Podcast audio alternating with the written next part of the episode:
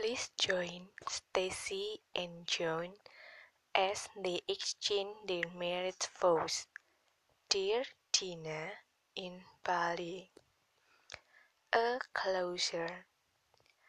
Aku melangkah pelan menyusuri deretan pertokoan di Seminyak. Menatap iri pasangan wisatawan asing yang berciuman di pinggir jalan. Atau wisatawan lokal yang berpelukan. Masih terngiang di benakku telepon dari John beberapa menit lalu. Din, aku menelponmu untuk memberi kabar bahwa aku akan menikah bulan Desember nanti. Aku berharap kamu datang, Din, ikut mendoakanku. Bodoh. Apa yang bisa kuharapkan dari John setelah perlakuanku kepadanya? Apakah aku berharap John akan memaafkan lalu menerimaku kembali? Awalnya aku memang berpikir demikian saat dering telepon dari John mampir di ponselku. Tetapi kembali aku tertawa pahit. John tidak sebodoh yang kukira. Juga karena John laki-laki baik yang seharusnya tidak bisa kuperlakukan dengan senaknya. Aku berhenti di depan sebuah etalase toko yang menjual pernak-pernik perhiasan dari batu tetapi aku tidak benar-benar menatap perhiasan itu. Aku menatap bayangan diriku di atas di kaca etalase dan menyadari bahwa diriku sekarang seorang diri. Tidak ada lagi seseorang yang berdiri di sebelahku seperti beberapa tahun yang lalu. Aku mengangkat tangan kiri. Di lenganku melingkar gelang dari rangkaian batu. Gelang yang dibeli John di toko ini ketika aku berhenti dan menatap terpesona sebuah gelang batu berwarna biru laut dengan corak merah yang dipajang di sebuah manekin. Waktu itu John menarik tanganku, mengajak masuk, lalu membeli gelang itu dan langsung memakaikannya di lenganku. Aku mendesah sedih. Seandainya aku bertemu John jauh sebelum aku bertemu dengan Selo, apakah hubunganku dengan John akan langgeng? Apakah mempelai wanita di samping John nanti adalah aku, bukan Stacy? Aku tersenyum getir, lalu kembali melangkah menyusuri trotoar di bawah teriknya matahari.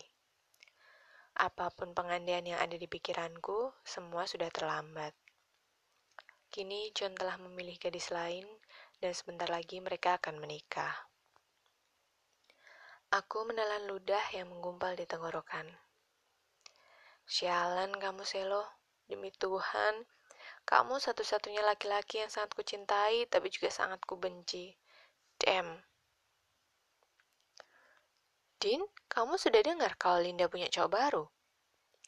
Lina tiba-tiba duduk di sebelahku ketika aku makan siang di kantin Institut Seni Indonesia Yuk Yogya, tempatku kuliah.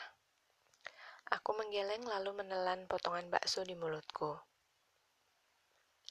Gila, Din, cowok barunya Linda kali ini keren dan seksi banget.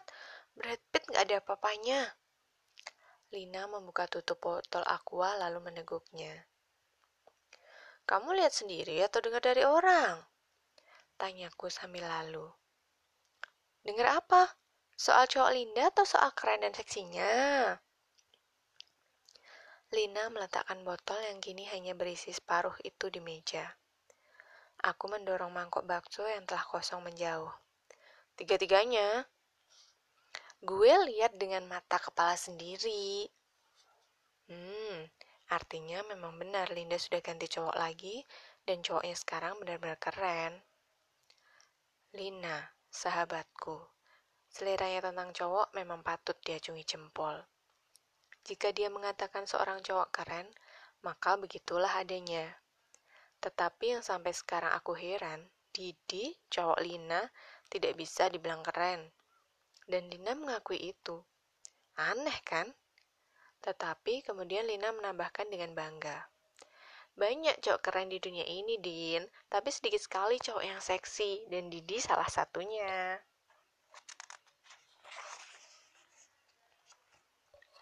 Hobi banget Linda gonta-ganti cowok ya, ujarku. Lina bergeser menatapku. Kali ini bukan dia yang godain duluan, tapi cowok itu yang ngajakin Linda berkencan. Ya, memang seharusnya begitu kan? Lumrah cowok mengajak cewek kencan dan bukannya sebaliknya seperti yang biasa dilakukan oleh Linda.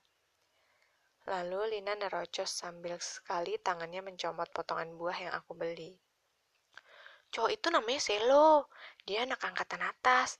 Gosipnya, dia selalu ngajak kencan model yang dilukisnya. Gina memasukkan potongan pepaya ke mulut dan mengunyah cepat. Dugaanku nih, Linda pernah jadi model lukisnya si Selo.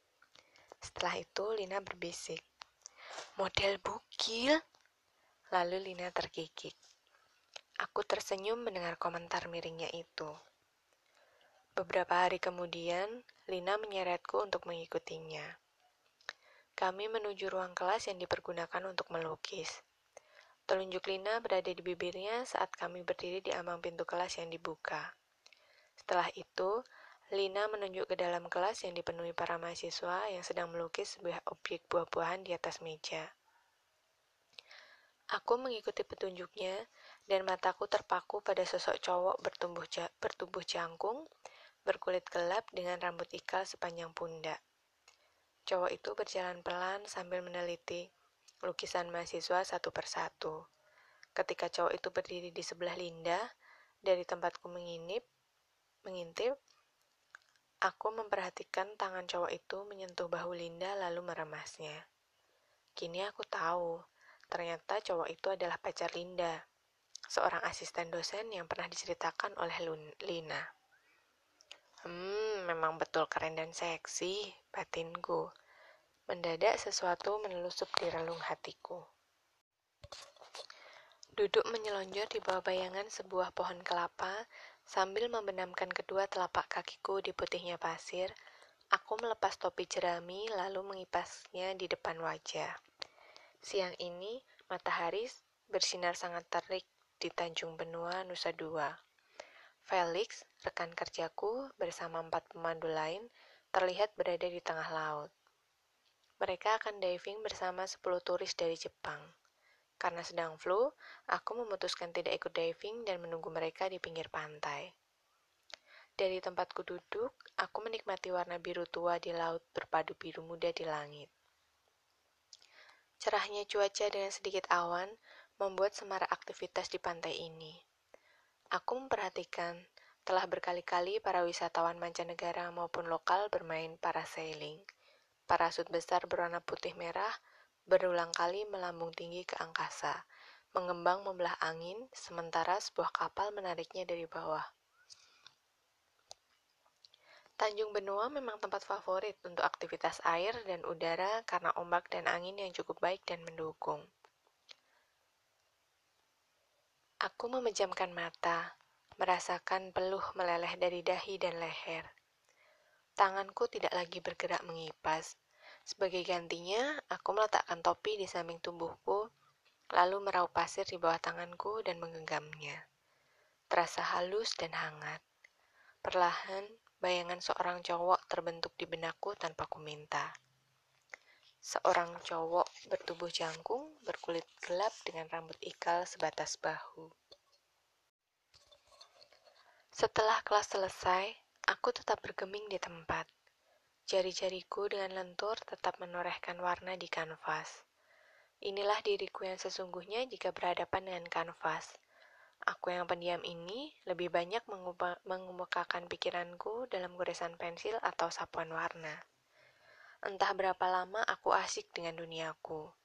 Saat ini aku menikmati heningnya suasana, semilir angin yang masuk dari celah jendela dan pintu yang terbuka tenggelam dalam warna gelap dan terang, menikmati sebuah pola acak yang berangsur menjadi sempurna.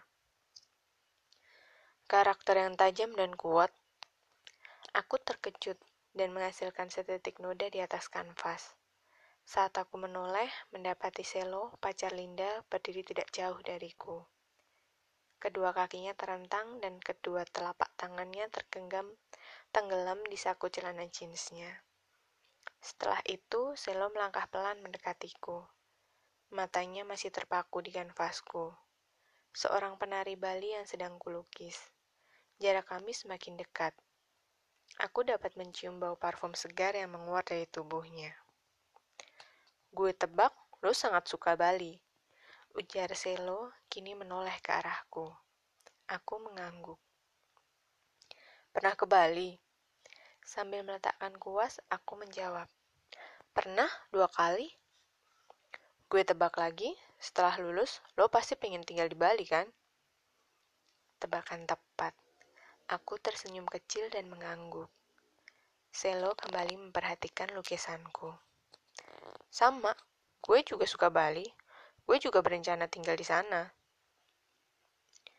Oh ya?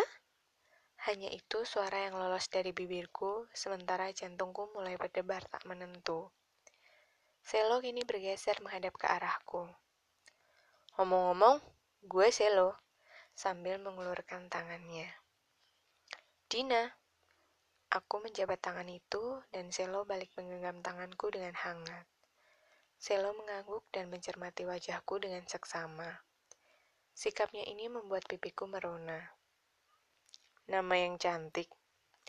Hatiku melambung mendengar pujiannya. Oke Dina, gue cabut dulu, ada kuliah. Tanpa menunggu jawabanku, Selo melangkah pergi. Saat meraih kuasku kembali, aku mendengar Selo memanggil membuatku menoleh. Kapan-kapan gue pengen lu jadi model lukisan gue. Kapal telah merapat di tepi pantai. Aku dan rombongan disambut tulisan besar yang tertera di sebuah pintu masuk bangunan besar semi permanen. Welcome to Turtle Farm. Lokasi ini masih berada di Nusa Dua, tidak jauh dari lokasi diving dan parasailing. Tetapi untuk mencapai tempat ini harus menggunakan transportasi kapal. Setelah mempersilahkan para turis Jepang itu masuk, aku mengikuti mereka dari belakang dengan santai. Kali ini pemandu lokal di tempat wisata ini yang mengambil alih. Kami masuk dari pintu utama menuju tempat berkembang biaknya penyu. Mulai dari pembiakan telur penyu, anak penyu berumur sekian bulan, sampai dengan penyu dewasa yang mencapai umur 70 tahun. Aku tertawa melihat seorang wisatawan Jepang yang masuk ke dalam kolam dan berusaha mengangkat penyu besar berdiameter 60 cm dengan kedua tangannya. Setelah berkeliling di kolam penyu, kami berjalan mengikuti pemandu lokal ke kandang binatang lain yang ada di situ. Jenis binatang yang ada di sini adalah binatang yang unik, seperti kelelawar, ular, beberapa burung, dan unggas yang langka puas berkeliling dan melihat-lihat binatang, sementara para turis mendatangi konter yang menjual perhiasan dari mutiara laut, aku melangkah keluar dari bangunan. Menatap ombak yang menghampiri pantai, menggerakkan kapal-kapal yang tertambat, alat transportasi yang mengantar kami ke sampai ke pulau ini.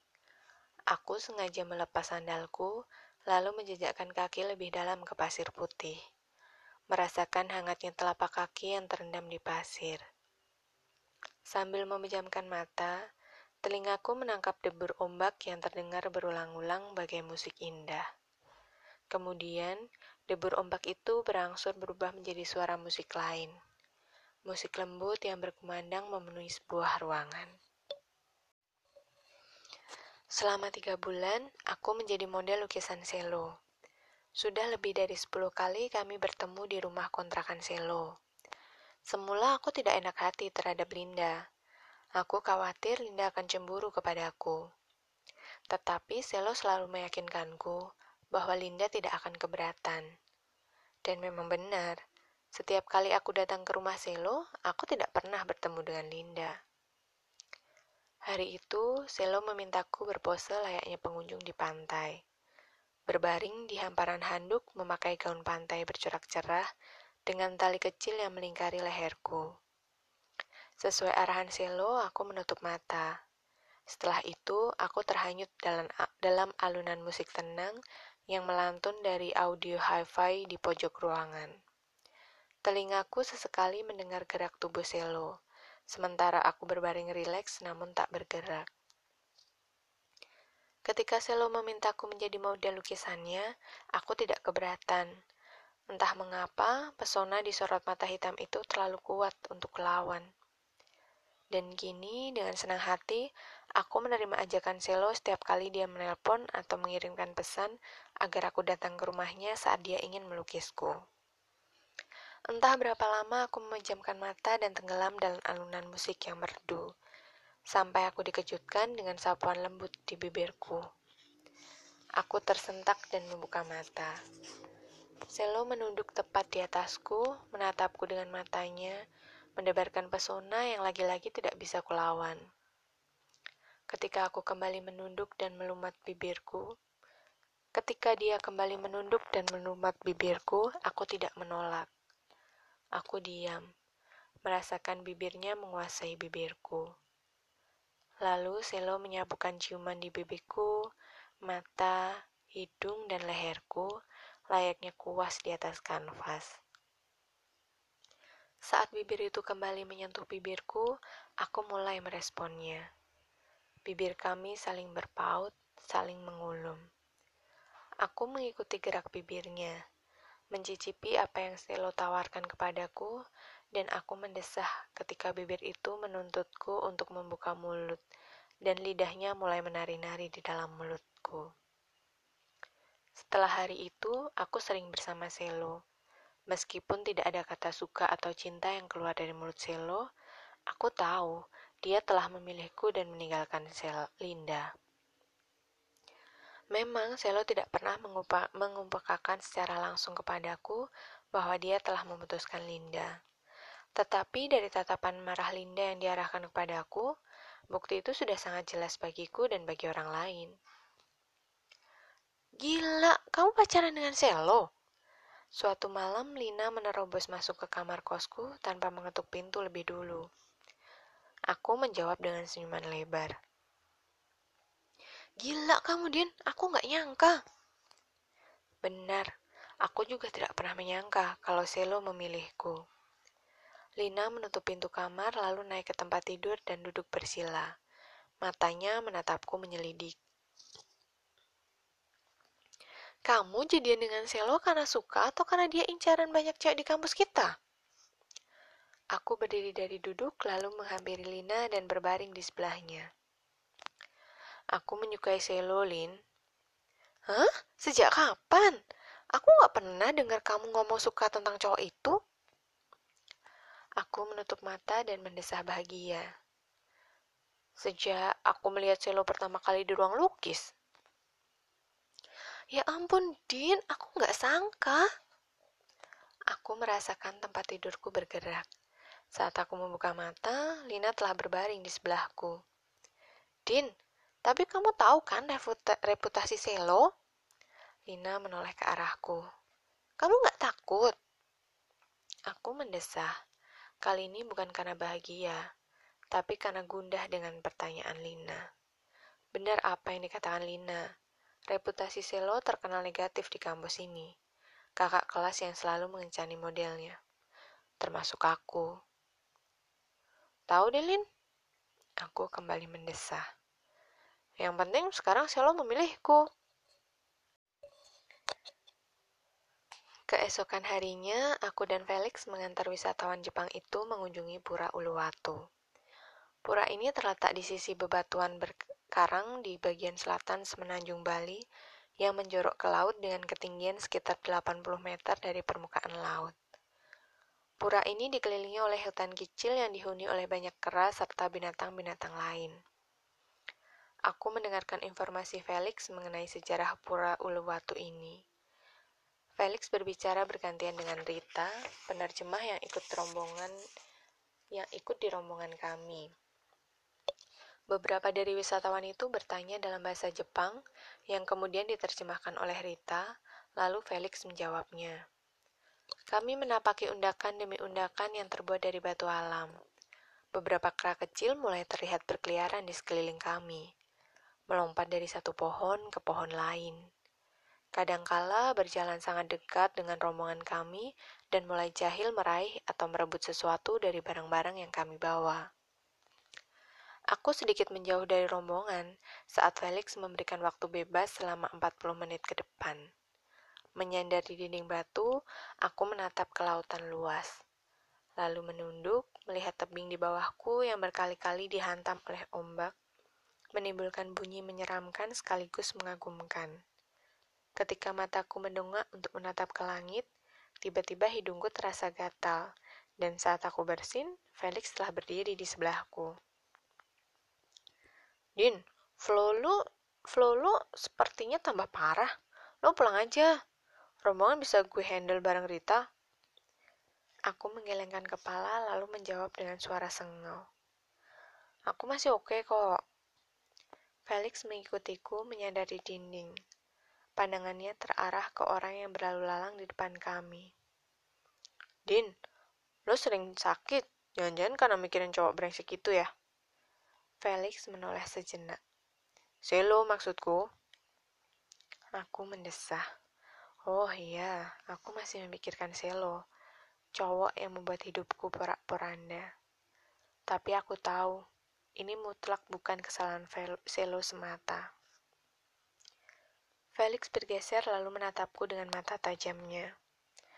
Cowok brengsek seperti itu ngapain juga lo pikirin, Din? Kayak nggak ada cowok lain aja. Betul, Lex. Memang ada cowok lain yang lebih baik daripada Selo. Cowok itu adalah John. Rumor yang beredar bahwa Selo selalu gonta-ganti mengencani model lukisnya, salah satunya aku, ternyata benar adanya. Dan aku membuktikan rumor itu dengan mata kepalaku sendiri. Pada suatu sore yang mendung dan berangin kencang, aku memergoki Selo di kamarnya sedang berciuman dengan seorang gadis yang tidak aku kenal. Sebelumnya, aku mendengar gosip bahwa Selo telah mendapat model baru untuk lukisannya. Saat aku menanyakan hal itu, dia hanya mengendikkan bahu dan berkata datar. Gosip, Din. Mana buktinya? Dan memang benar, aku tidak mendapatkan bukti sebuah lukisan di kanvas dengan model lain selain aku. Tetapi, ketika Lina mengatakan gosip yang sama, aku benar-benar yakin. Beberapa kali aku memata-matai rumah kontrakan Selo, dan akhirnya mendapati seorang gadis memasuki pintu rumah itu. Beruntung aku memiliki kunci rumah Selo yang aku duplikat agar dengan mudah aku keluar masuk rumah tanpa harus menunggu Selo. Dan ternyata sekarang kunci itu benar-benar berguna. Sementara aku marah dan memaki Selo, gadis itu beralih keluar dengan wajah ketakutan. Tetapi Selo tidak menunjukkan reaksi yang aku inginkan. Aku ingin dia berbalik marah kepadaku atau bahkan menamparku, agar aku bisa balik melampiaskan kesalahanku kepadanya. Tetapi Selo hanya menatapku dengan sorot mata dingin dan tangan dilipat di depan dada. Menyandar di ambang pintu kamarnya, Selo berkata kepadaku dengan suara tenang yang membuatku ingin mencakar wajahnya. Kenapa lo marah, Din? Kapan gue pernah minta lo jadi pacar gue? Gue juga gak pernah bilang cinta ke lo nggak pernah bilang suka ke lo. Lo aja yang beranggapan kalau kita pacaran. Jadi kalau gue jalan dengan gadis lain, mencium gadis lain, bahkan tidur dengan gadis lain, lo nggak berhak marah. Karena lo bukan siapa-siapa gue. Itu kata-kata terakhir yang aku dengar dari Selo sebelum aku menghambur keluar dari pintu rumahnya. Menerjang derasnya hujan dengan hati patah dan berdarah. Enam bulan lamanya aku berkubang dalam kemarahan dan patah hati. Selama hidupku, baru kali ini aku jatuh cinta dan memberikan hatiku kepada seseorang. Ternyata apa yang aku dapat? Tetapi bodohnya, meskipun Selo telah mematahkan hatiku, tetap saja cintaku kepada cowok itu tidak berubah. Saat aku mendapati Selo menggandeng cewek lain, hatiku tersayat. Sebulan kemudian, Aku melihat Silo merekuh bau cewek yang berbeda. Kembali membuat hatiku berdarah. Entah sudah berapa cewek yang telah dikecani Selo setelah aku. Tetapi tetap tidak bisa membuatku membenci sosok Selo dan menghapuskan rasa cintaku padanya. Sampai pada suatu hari, Lina dengan belak-belakan berkata kepadaku, Din, aku gak tahan lihat kamu terpuruk begini. Sementara cowok gila itu bersenang-senang dengan cowok lain. Aku hanya melengos mendengar kata-kata Lina. Ada cewek, ada cowok baik yang ingin berkenalan denganmu. Aku mengerutkan kening mendengar Lina menekankan kata baik. Cowok itu teman baik Didi. Dia tinggal di Bandung dan sudah setuju dikenalin ke kamu. Dengan wajah sumringah, Lina menggosok-gosokkan tangannya. Kebetulan karena dia datang ke Jogja, jadi sore ini kita ketemuan dan mau dan mau nggak kamu mau tidak mau kamu harus ikut. Lina memang comblang yang hebat, atau karena John memang cowok yang menyenangkan. Yang pasti, empat bulan sejak aku berkenalan dengan John, meskipun jarak Jogja dan Bandung terbentang, kami resmi pacaran. Aku bersedia menjadi kekasih John karena beberapa alasan. Alasan pertama, karena aku menyadari kebenaran kata-kata Lina. Move on, Din, move on. Dunia belum kiamat, hidup kamu juga. Alasan kedua, karena John adalah cowok baik, seperti kata Lina, dan memang terbukti baik. Dan alasan ketiga, karena John mengatakan kepadaku bahwa dia mencintaiku.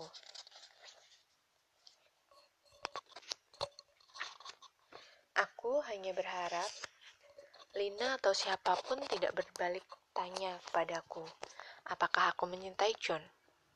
Aku tidak ingin menjawabnya, dan aku bersyukur John tidak memaksaku untuk mengatakan hal yang sama seperti yang dia ucapkan kepadaku. Museum Antonio Maria Blanco, salah satu pelukis keturunan Spanyol dan Amerika, menjadi kunjungan tur rombongan kami. Rumah tinggal yang sekarang dijadikan museum ini terletak di Ubud. Aku, Felix, dan rombongan memasuki ruang pameran lukisan. Antonio Mario Blan Maria Blanco adalah seorang maestro lukisan romantik ekspresif, karena wanita adalah fokus dari karya-karya lukisnya. Melihat lukisan yang dibingkai apik dan digantung di dinding, mengingatkanku kembali kepada Selo. Menguatkan diri karena aku aku membantu Felix memandu para wisatawan Jepang ini, aku berjalan pelan di belakang rombongan tanpa lagi melihat lukisan yang terpasang di dinding itu. Sungguh menyakitkan rasanya jika setiap setiap kali aku menatap sebuah lukisan seorang wanita, lukisan itu mengingatkanku pada gadis-gadis yang dijadikan model oleh Selo. Setelah itu, kami menuju area belakang, sebuah bangunan lain dengan beberapa ruangan. Di dalam bangunan ini, aku menarik nafas lega. Lukisan yang terpasang di sini adalah milik anak laki-laki semata, semata wayang Antonio Maria Blanco. Lukisan dengan beberapa tema. Di sini aku dapat dengan sungguh-sungguh mengamati detail dari setiap lukisan yang terpasang. Dari Museum Antonio Maria Blanco, aku dan rombongan melanjutkan ke dua galeri lain di Ubud galeri yang benar-benar menjual lukisan dan bukan hanya untuk dinikmati di tempat.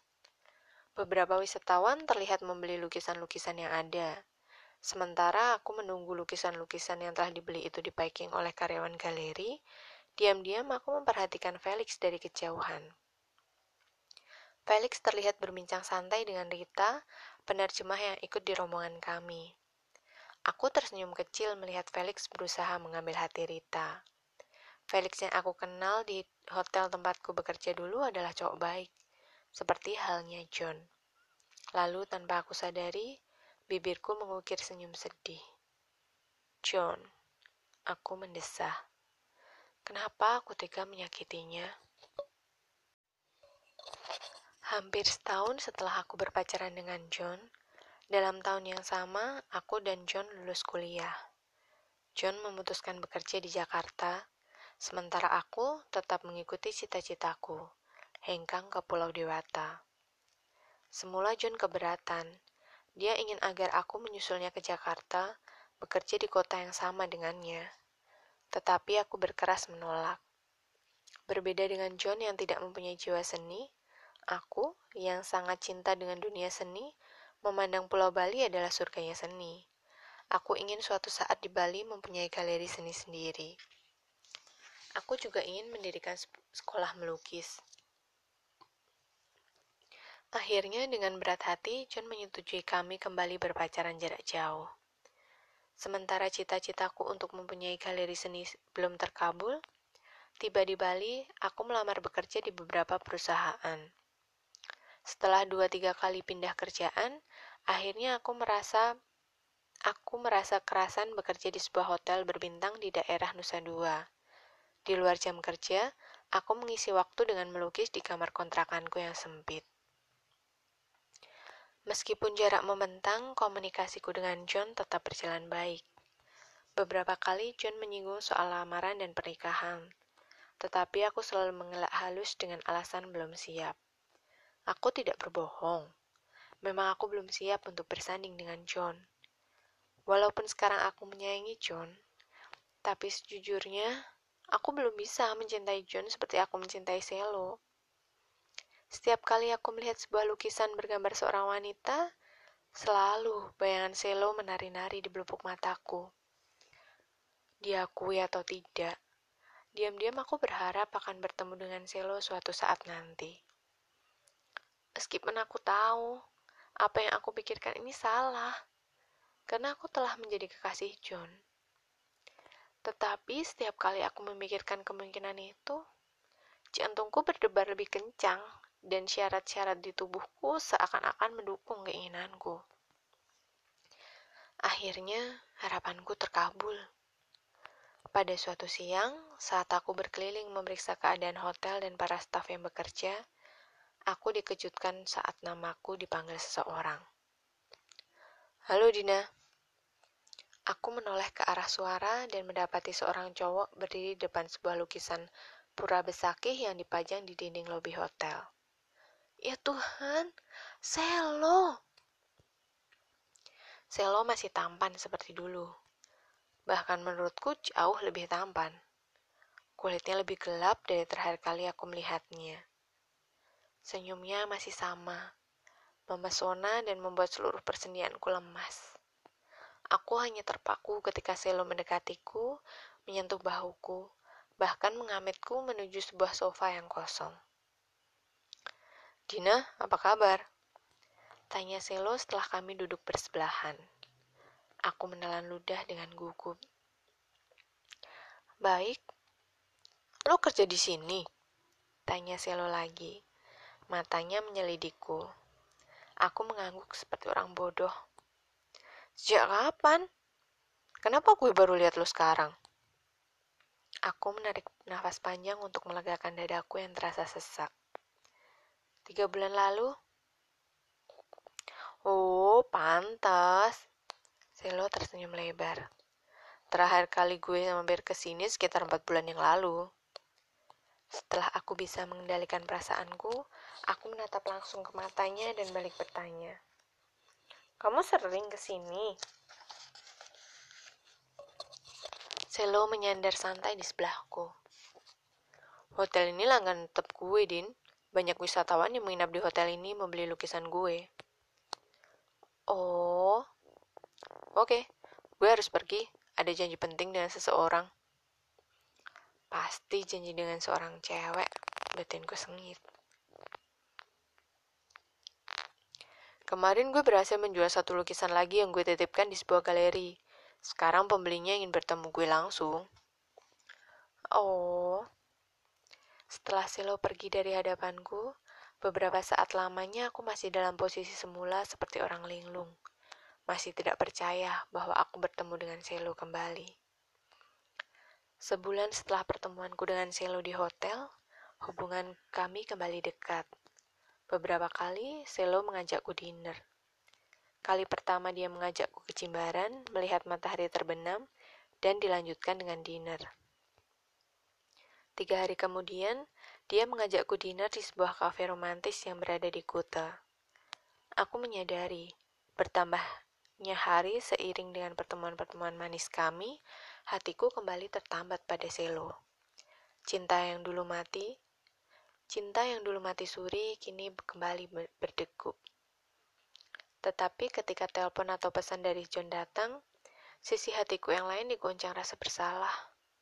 Aku sadar tidak semestinya di belakang John aku menerima setiap ajakan Selo. Meskipun Selo tidak terang-terangan mengatakan bahwa ajakan itu adalah ajakan kencan, tetapi setiap kali Selo menatapku dengan mata magisnya, aku menemukan kerlip yang sama seperti ketika dia melukisku untuk pertama kalinya di Jogja.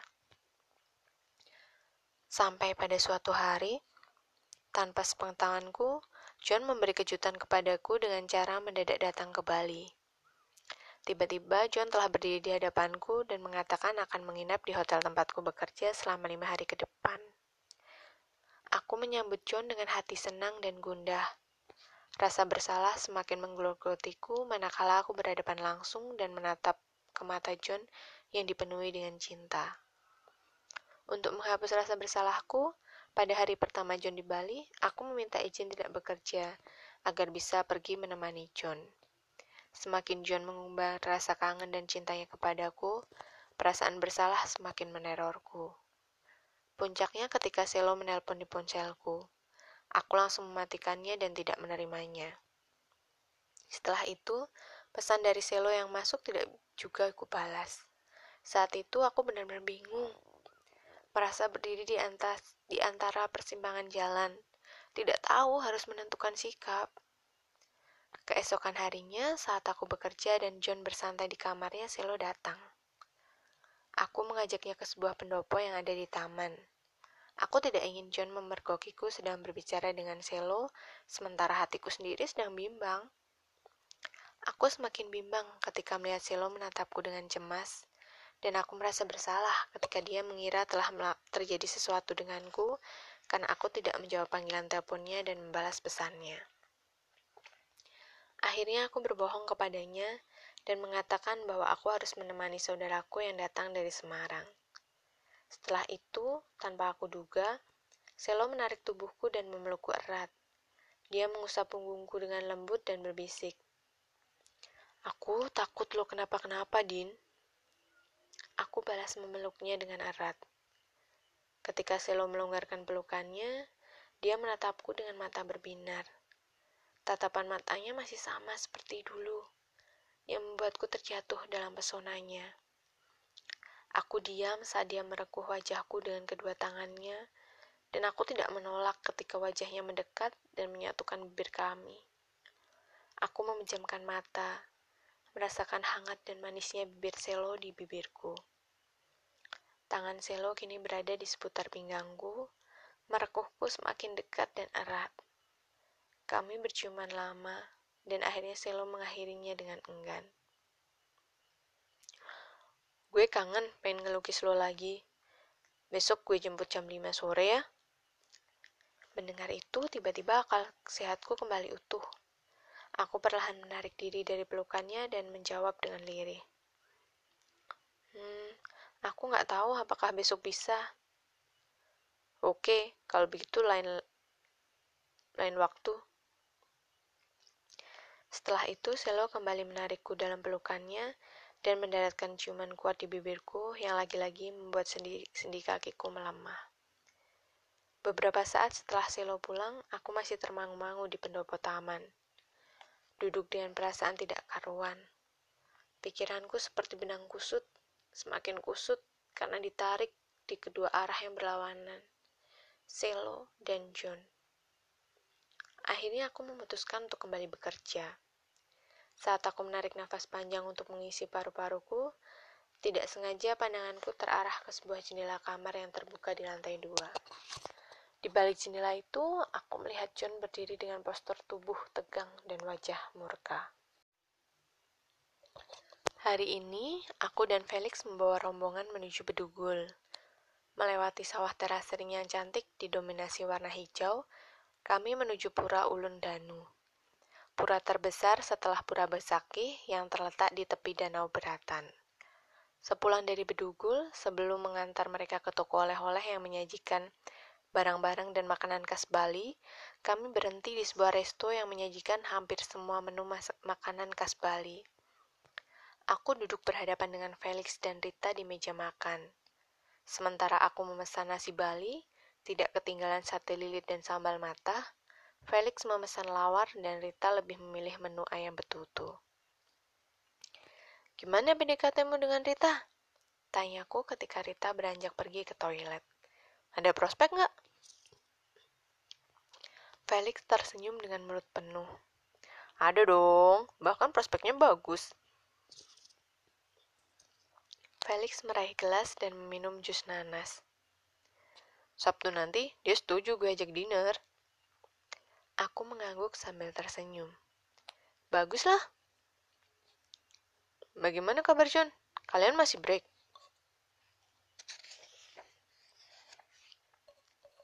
Sejenak aku berhenti mengunyah mendengar pertanyaan Felix. Meskipun Felix tahu keruwetan hubunganku dengan John dan Selo, tetapi yang dia tidak tahu adalah ending kami bertiga. Lalu aku menggelengkan kepala.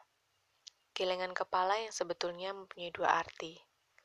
Aku tidak lagi break dan sudah putus dengan John. Tetapi rupanya Felix salah sangka dengan jawabanku.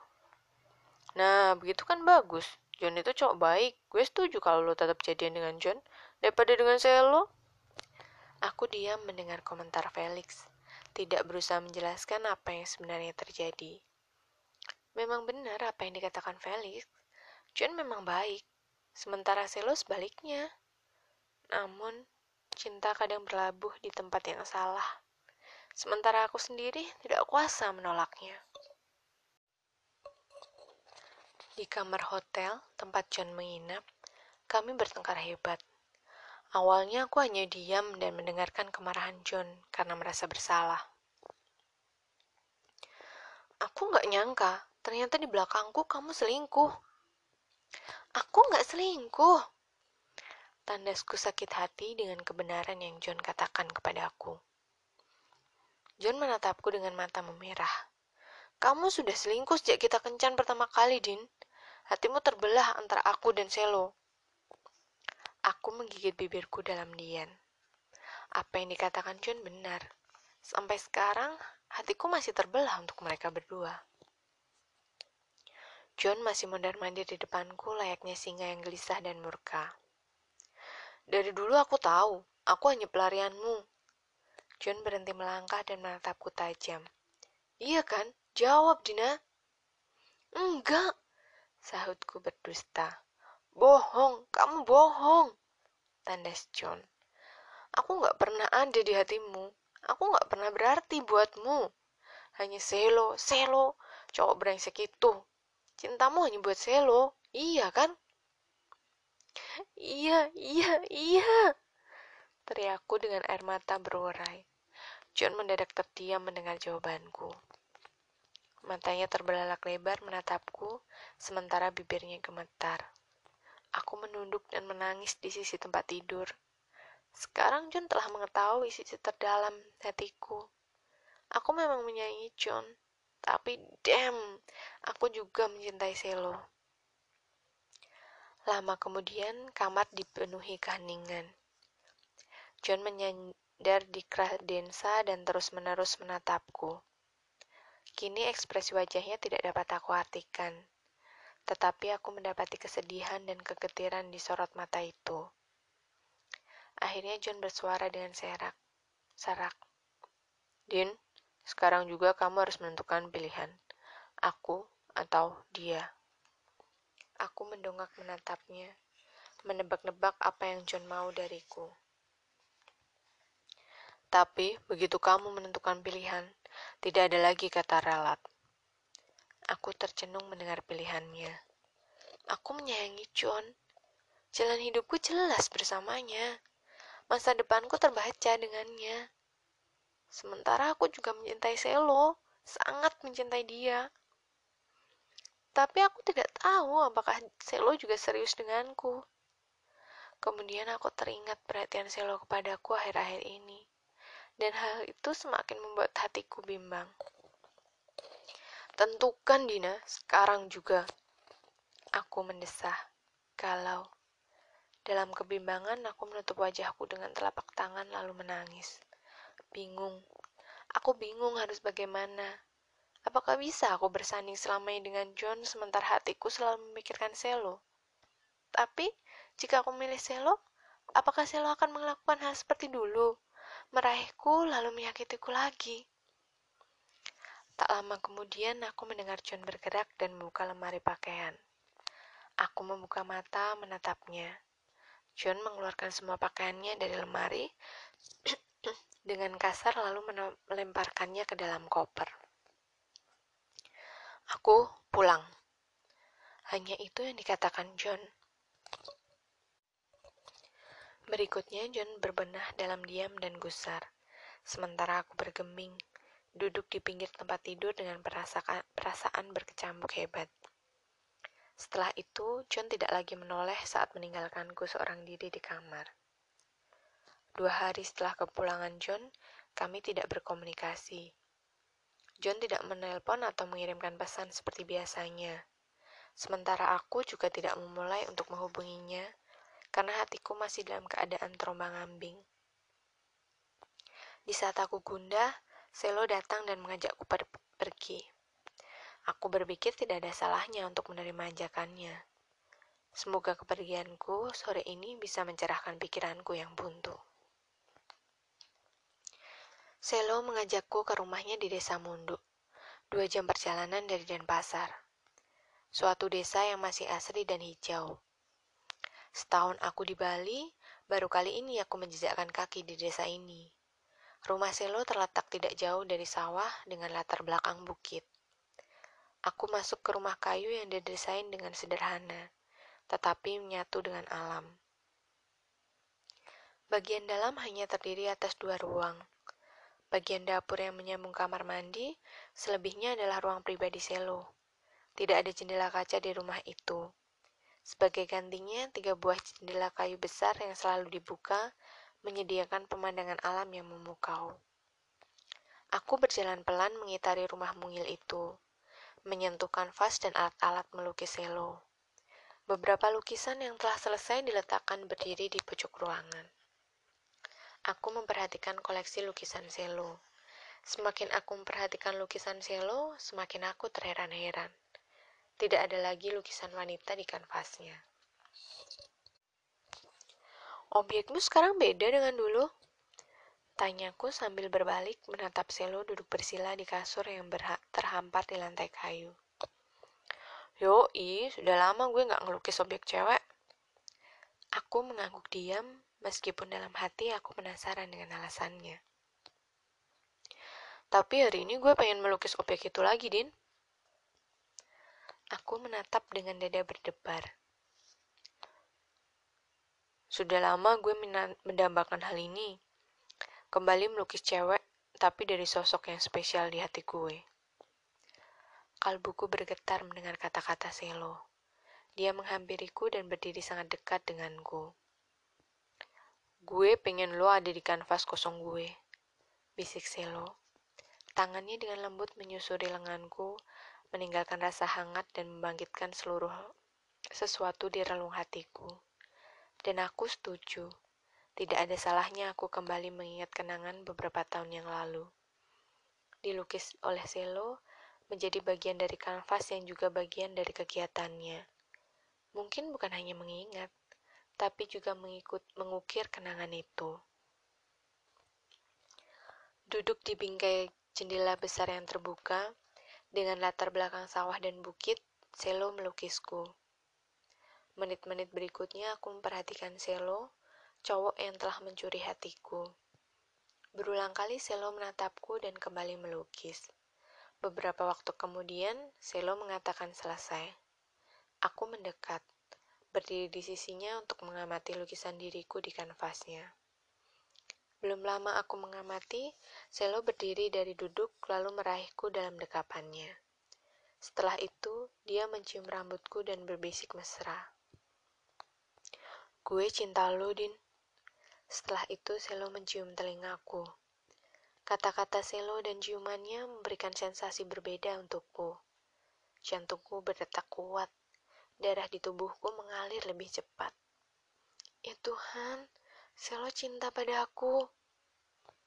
Selo mendekap pinggangku lebih erat sembari menyapukan bibirnya di wajahku dan terlahir terakhir berlabuh di bibirku. Dia melumat bibirku dengan lembut tetapi juga menuntut. Dalam keraguan aku membalasnya. Aku memejamkan mata, merasakan kehangatan yang Selo tawarkan di bibirku. Lalu aku menyerah dan mereguknya. Aku menyambutnya. Gue butuh lo, Din. Desah Selo. Bibirnya menyapu belakang telingaku, turun ke leherku. Aku terbuai dengan permintaan dan sapuan mesra Selo di kulitku. Gue butuh lo, gue gak bisa hidup tanpa lo. Bisiknya lagi. Dan aku mempercayai hal itu. Seperti halnya dulu di Jogja, aku terbuai dengan pesona matanya. Kini, aku terbuai dengan janji-janjinya, terbuai dengan kemesraannya. Jika dulu aku menyerahkan hatiku pada Selo, sore ini, di hamparan lantai kayu yang dingin, di atas kanvas yang tergeletak, aku menyambut janji Selo dengan hati meledak bahagia, dan aku menyerahkan kesucianku kepadanya. Ini hari terakhir. Aku dan Felix membawa rombongan wisatawan Jepang mengenal Bali dari dekat. Seminggu lagi, wisatawan dari, Taiwan akan datang dan ganti aku yang menggantikan Felix untuk membawa mereka memperlihatkan keindahan Pulau Bali. Aku duduk di sebuah pohon, di bawah, di bawah sebuah pohon kelapa. Mataku terarah ke pantai Kuta di depanku. Gulungan ombak yang cantik membawa para peselancar kembali ke tepi pantai. Melihat peselancar, peselancar berbadan tegap, jangkung, dan kulit gelap, kembali mengingatkanku pada Selo. Sejak aku menyerahkan kesucianku sebagai bukti cintaku, Selo memintaku menjadi kekasihnya. Sejak saat itu, aku yakin seyakin-yakinnya bahwa Selo adalah masa depanku. Aku sangat bahagia dan terbuai dengan kemesraan kami, dengan janji-janji Selo untuk menua bersamaku. Tetapi, dua bulan kemudian, keberadaan Selo tidak lagi diketahui. Selo menghilang tanpa bekas. Rumah itu ternyata rumah yang dia sewa selama dia tinggal di Bali. Nomor teleponnya tidak lagi aktif. Selo juga tidak pernah lagi muncul di hotel tempatku bekerja. Karena malu dan terpukul, aku keluar dari pekerjaanku dan tenggelam dalam kesedihan sampai kemudian Felix, teman bekerjaku di hotel, menawarkan kepadaku untuk bergabung mengelola perusahaan tour dan travel yang baru dirintisnya. Din, lo mau langsung balik atau ikut rombongan? Felix bertanya dari meja lain tidak jauh dariku. Aku menoleh, mendapati dia duduk berdua dengan Rita. Aku langsung pulang aja ya, ketemu besok di kantor. Oke. Kembali aku mengarahkan pandanganku ke laut. Setelah Selo pergi tanpa meninggalkan jejak, aku kembali teringat pada John. Sejak kami bertengkar di hotel, John tidak lagi menghubungiku. Dan dalam keterpurukan dan rasa bersalahku, Aku juga ciut untuk menghubungi John lebih dulu. Sampai kemudian John menelponku.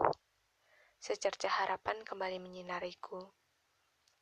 Ketika aku ingin meminta maaf kepadanya, John lebih dulu berkata bahwa hubungan kami tidak lagi bisa bertahan.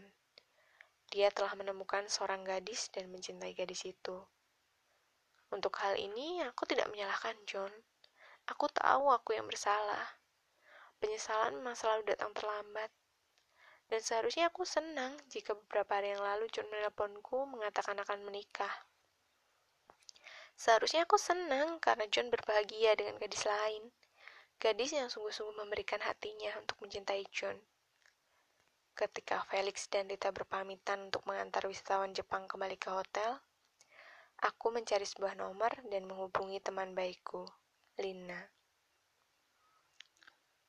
Lin, aku jadi datang di pesta pernikahan John. Thanks, Kat. Seru Lina di ujung sana. Aku tersenyum samar. Tapi kemudian aku menyadari bahwa perasaanku menjadi lebih baik setelah aku mengambil keputusan ini.